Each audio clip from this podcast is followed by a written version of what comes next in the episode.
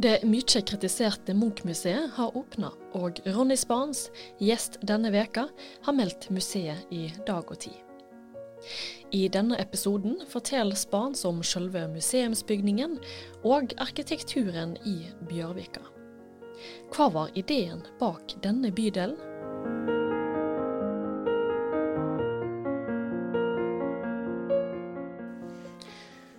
Velkommen, Ronny Spans. Tusen takk. Du er førsteamanuensis ved Nord universitet og fast skribent i Dag og Tid. Og vi skal snakke om det som mange andre òg snakker om og skriver om for tida, nemlig det nye Munch-museet i Bjørvika. Denne bygningen med den karakteristiske knekken på toppen.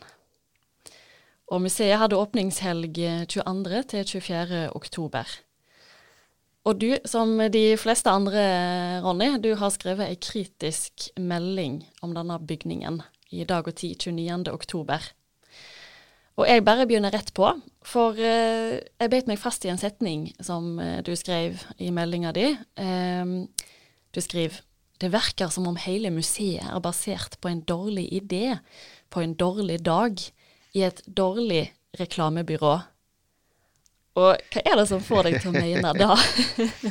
ja, det er nok litt sett på spissen, men det var knytt til eh, logoen Munch som eh, lyser imot deg, og som du møter i alle eh, etasjer, og som liksom eh, blir merkevaren på det nye Munch-museet. Logoen er, står i skrått. Og logoen Munch den da speiler igjen eh, den knekken. Altså bygningen har jo da en knekk fra niende etasje. Den er vel 20 eh, Den, er, den bikker da 20 cm utover. Så det er jo liksom eh, eh, selve kjennetegnet åt bygningen, denne knekken.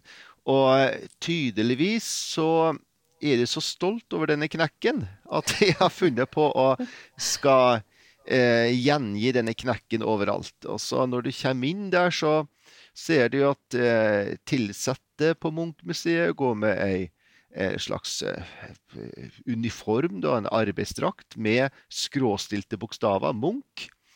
Og så har du plakater, de er skråstilte med navn på. Så har du eh, Ja, så har du òg eh, eh, logoen som jeg vet ikke om jeg nevnte, over bygningen ved inngangspartiet. Den er jo ti meter brei, og det er òg skråstilt.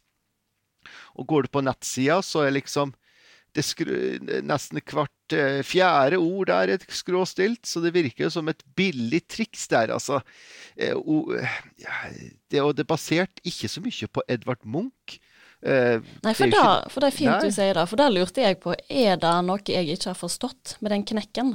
Har det nei. noe med Edvard Munch å gjøre? Ja, Nei, det har lite med Edvard Munch å gjøre. For uh, mitt inntrykk av Edvard Munch er jo at han har en organisk, uh, symbolistisk kunst, et kunstspråk.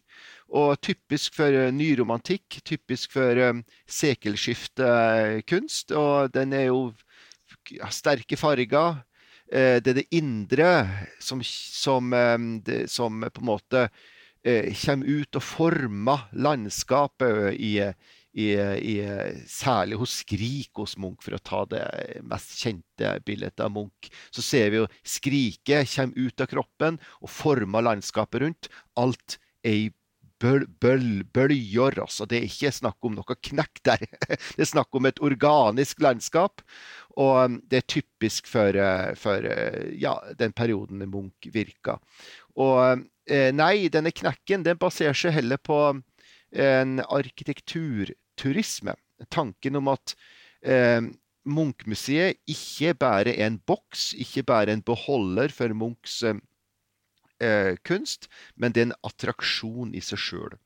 Og der skiller dette museet seg da kraftig fra det gamle museet på Tøyen, som lå der litt sånn eh, aumjukt eh, og, og eh, i terrenget og ikke stakk seg fram. Og, og, innvendig så var det jo Alt var jo knytt til Munchs kunst. og var, Der var det det omvendte. Det var snakk om et uh, horisontalt museum. De fleste kunstmuseum er horisontale. Her eh, har vi det spektakulære ved at det er et, et vertikalt museum. Og så har den denne berømte knekken. Og knekken den er da knytt til hele Bjørvika. Den arkitektur der som, som er prega av det vi kan kalle for det skulpturelle. Og knekken en del av det hele nye landskapet vi ser nå i Bjørvika. Ja, og da vil jeg gjerne at vi skal gå inn på litt eh, etter hvert. Eh, bydelen Bjørvika. Men eh, du skriver jo at det var sterk kritikk av Munch sine bilder i 1890-åra. Og kan vi dra noen, til, noen, paralleller til all kritikken mot Munch-museet nå? Er det godt nytt for Munch-museet at det er så masse kritikk? Blir det en klassiker, tror du, om noen år? vi, vi, kan jo gå u vi kan jo nesten bli frista til å tro det, men jeg tror det ikke. Eh, Munch-museet, altså Munch, da han steg fram 1890-åra og vekte mye kritikk, det var snakk det var Aftenposten og mange andre aviser, de var jo så kritiske til det nye som brøt med klassisk eh, kunst. Eh, Eh, klassisk figurativ kunst. Munch kom jo da med en, en ny type kunst, særlig det med ekspresjonisme. At landskapet blir farga av det sjelelige, det indre. Og, og kroppene ble jo òg forma av det sjelelige. Det var ikke rett anatomi, om vi skal være veldig klassisk orientert. Og det førte jo til mye kritikk. Forvridende kropper, sto det da i Aftenposten. Og kikka du, du, på hele Bjørvika, medregna Munchmuseet, så er det jo snakk om bygninger som er forvri, forvridende. Det går jo på det, det, skulpturelle vi kan ta opp litt etter hvert. Men, eh, men eh, her, altså Hos Munch så var det en enslig kunstner som risikerte eh, alt på å føre inn en ny stil. Det var ingen pengemotiv som lå bak. Det var, en, det var et kunstnerkall, for å bruke et, et, gammelt og godt begrep. Eh, her i Bjørvika så er det jo veldig mye penger som er pengestyrt. Det er det her skiltet med Munch som vi snakker om, det virker jo som en billig reklametriks. Og så var det jo på samme dag som Munchmuseet eh, åpna, så hadde jo dette med eh, reklamestuntet til eh, direktøren på museet Polestar, og det liksom under, bare understreka hvordan hele Bjørvika er styrt av penger, finans og, og sterke investorer. Og og eh, det var liksom med fra starten av eh, i, i utviklinga av Bjørvika. Altså det, det, har fått kritikk tidligere eh, knytt til penge, det pengehysteriet som var fra starten av. Mm. Ja, nå vi, ja, nå ser vi jo litt på Bjørvika òg, men vi har jo sett på Munch-museet, eh, som ligger i Bjørvika. Eh, der, for de som ikke er så godt kjent der, så er Barcode-rekka mm. ligger der, og mm, mm. Operaen ligger der. Kan du si noe om hva ideen eller intensjonen bak denne bydelen var? For det er jo en ny bydel i ja, Oslo. Tida går jo veldig fort, og vi, ja, vi glemmer jo hva som var kritikk eh, for et par år siden. Men jeg, jeg har skrevet om Bjørvika mange ganger i dag og tid. Og eh, jeg har jo òg med eh, en sak om Bjørvika i eh, Kjøpesenterlandet. En bok jeg ga ut basert på det jeg skrev i dag og tid. Og eh, da var det særlig Barcode som var som var det store samtaletemaet. Og det var Oslo havn som sto bak. Eh, med Oslo havn inngikk jo da såkalla samarbeid med det private og utbyggeren. Eh, det ble jo da laga slike eh, børsnoterte selskap. Så fra starten av så var det ikke et, et byprosjekt som var, som var statlig dirigert. Det var et byprosjekt som, som var delvis privat eh, dirigert. Og, og, der var det veldig mange sterke pengefolk inne. Barcode ble jo fort knyttet til storfinansen, og det var snakk om å ha maksimal pengeutnyttelse av eh, tomtene. Og det sto da i opposisjon til den opphavelige planen om en fjordby for folket. Jeg minnes for mange år siden så var det et eh, så laga Oslo, eh, eh, Oslo bystyre da, og laga en, hefte om hvordan fjordbyen skulle se ut. Blant annet så hadde de da eh, illustrasjoner av ja, eh, små butikker på et gatehjørne. faktisk henta fra Grønland, faktisk. Og så innvandrerbutikk på et gatehjørne. Men det, det fikk vi i alle fall ikke. Og Barcode er jo gigantiske bygninger. Der har du bank, forsikring, storfinans. Det er fordi at det var kun de som hadde eh, tjukk nok pengebok til å eh, kjøpe seg inn i den rekka. Så det allerede fra starten av så var det, var det snakk om at her skulle vi ha ikke bare en, eh, en helt ny bydel i Oslo, men her skulle det òg være store pengesummer i omløp. Og, og, dermed så fikk vi utvikling der staten og ja, Oslo kommune inngikk et samarbeid med private, og dermed fikk vi òg eh, ja, by, en, byplan da, som var veldig prega av, av eh, føringer fra storfinansen. Det var en kritikk som kom tidlig. Det var Peter Butensjøen blant annet, som, som rettet den kritikken. Og eh, så kom jo denne barcode-rekka. Jeg må bare si da, samme slengen, at det var jo da fikk en òg inn det som liksom var den store, værsberømte arkitekturen, som vi gjerne kaller for en rotterdamsk arkitektur. Eh, William Vinni Mass fra arkitektkontoret MVRDV eh, kom inn der og laga ei rekke eh, av, av store bygninger, finansbygninger som vekte stor kritikk. Nå er denne kritikken forsvunnet litt. For det rare er at denne rekka av, av eh, store bygninger er jo eh, ligger egentlig for tett.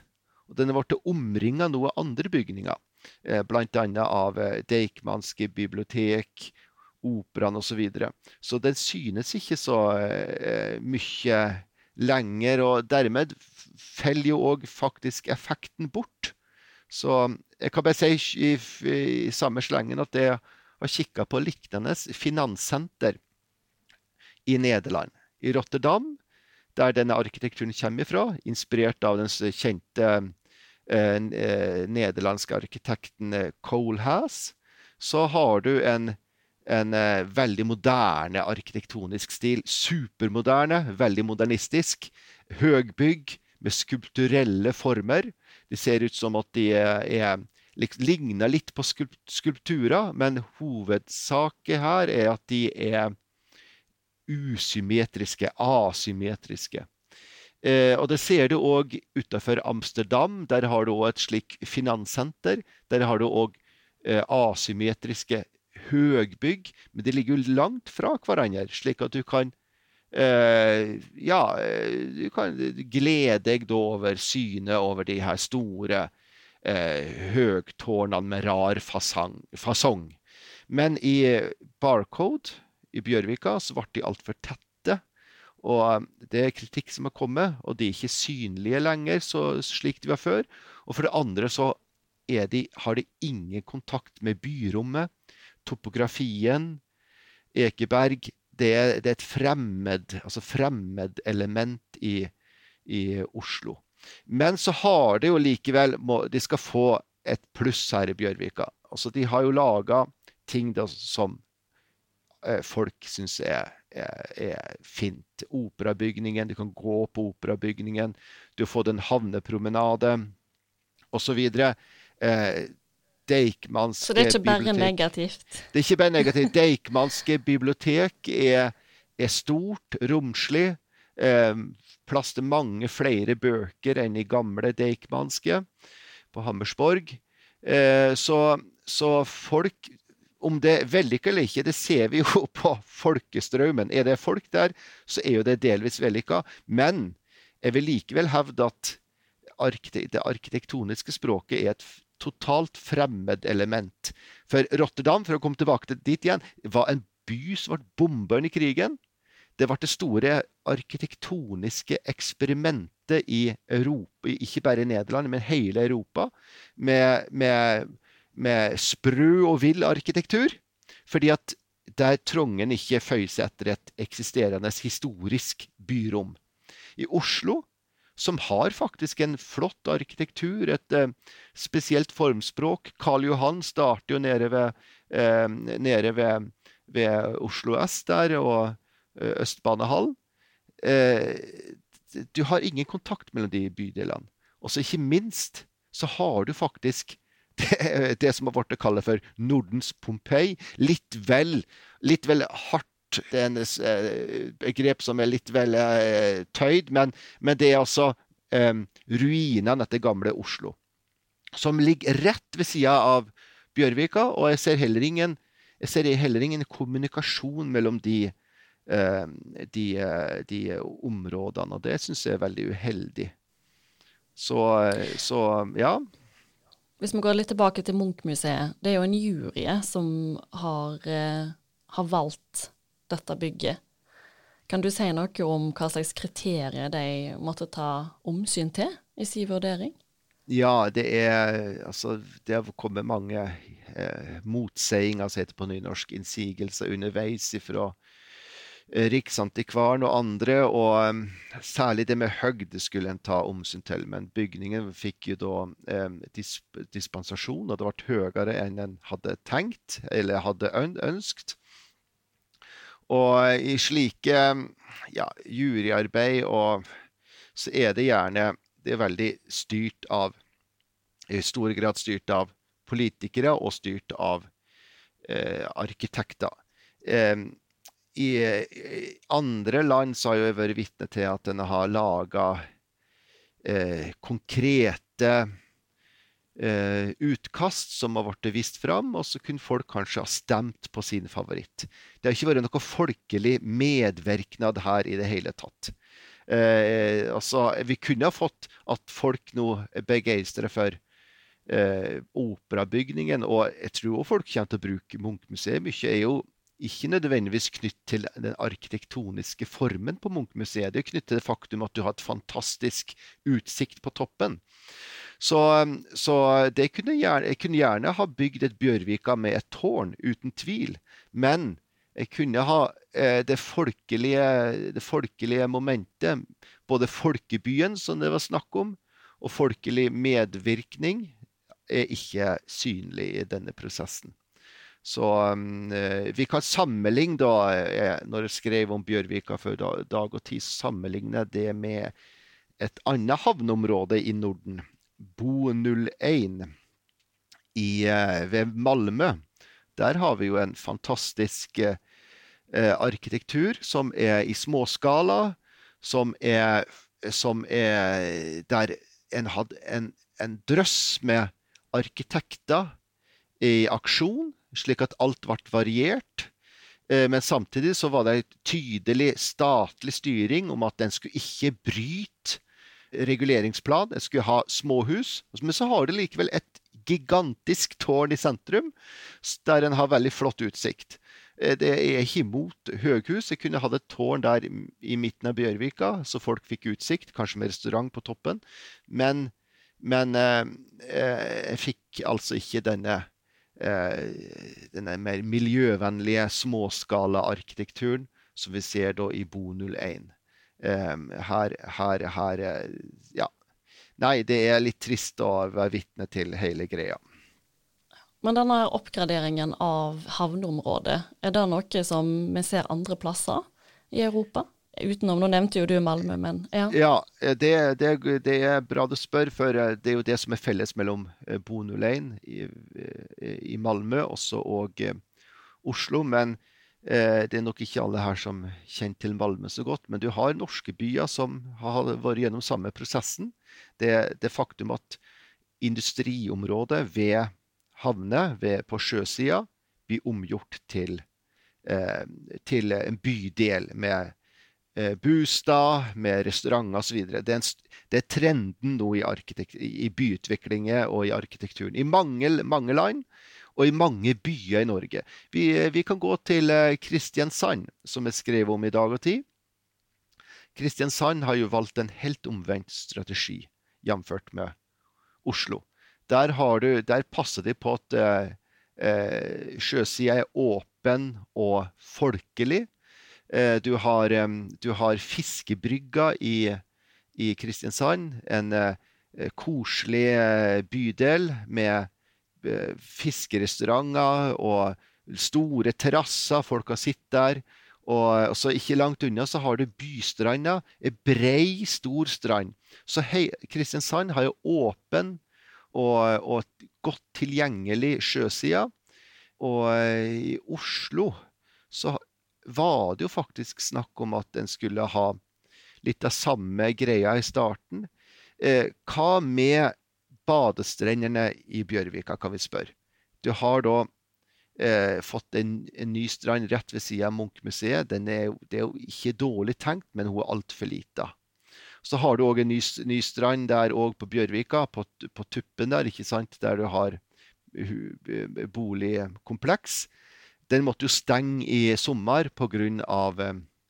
Pga. Eh, korona. Nå var korona spesielt, da. Det, jo, det er ikke det som kommer til å forme eh, samfunnet framover. Men likevel, eh, det faktum at det måtte stenge, viser jo at det her er det er, for, det er for, for, for små dimensjoner på det. For smått. Så vi kunne bygd et Bjørvika som var mer åpent, som var mer tilgjengelig for folk. Og for å gå litt tilbake i tid igjen, så var jo et stort, et stort feilgrep helt fra starten av at han ikke fikk bygge en overbygning over Oslo S.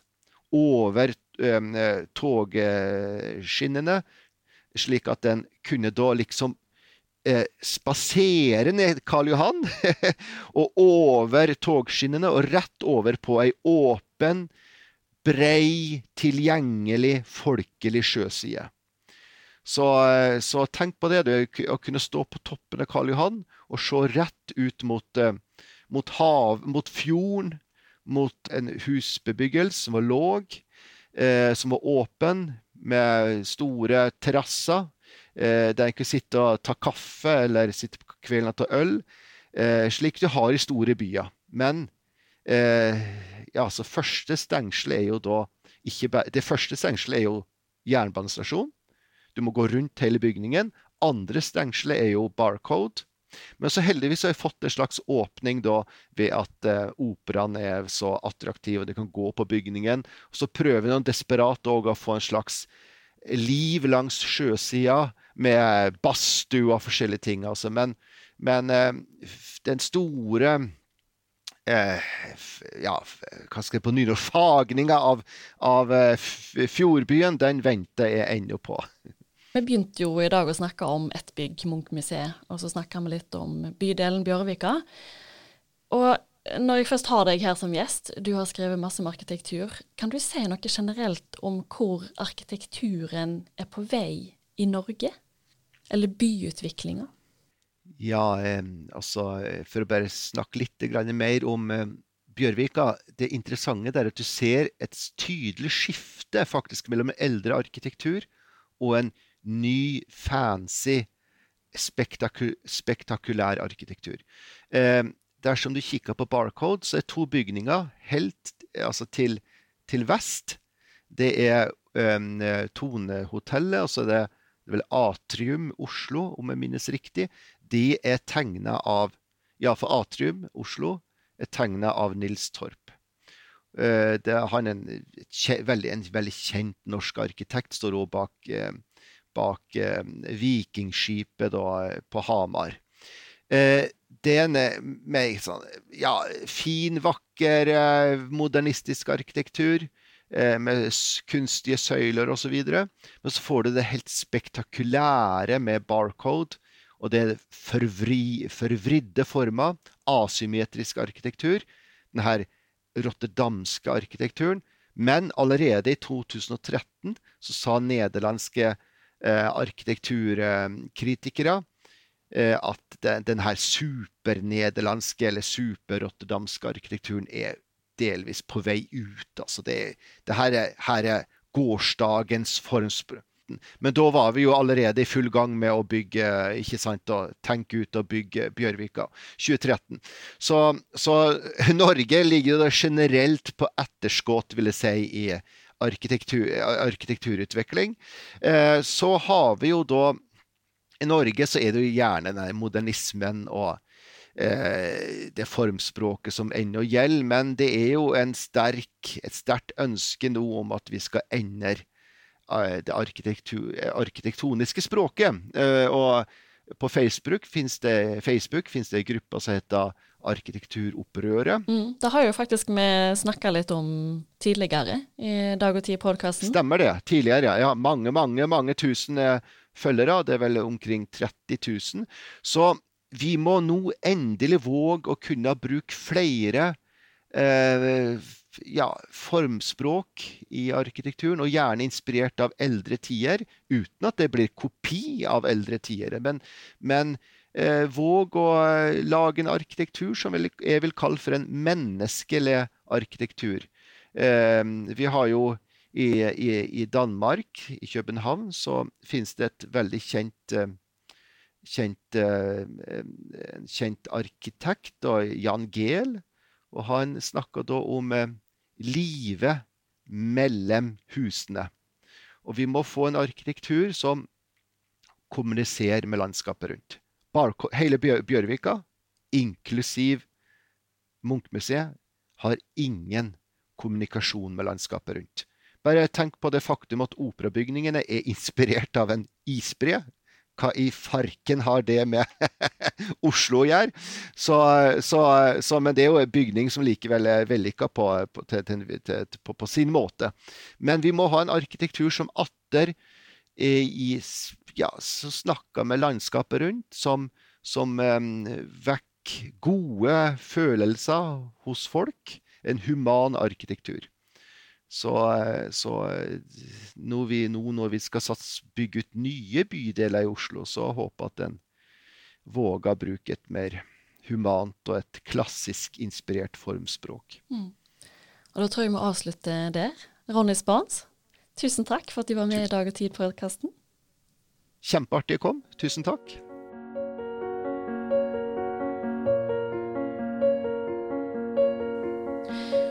Du lytter til Dag og Tid-podkasten. I studio i dag var jeg, Sofie Mai Rånes.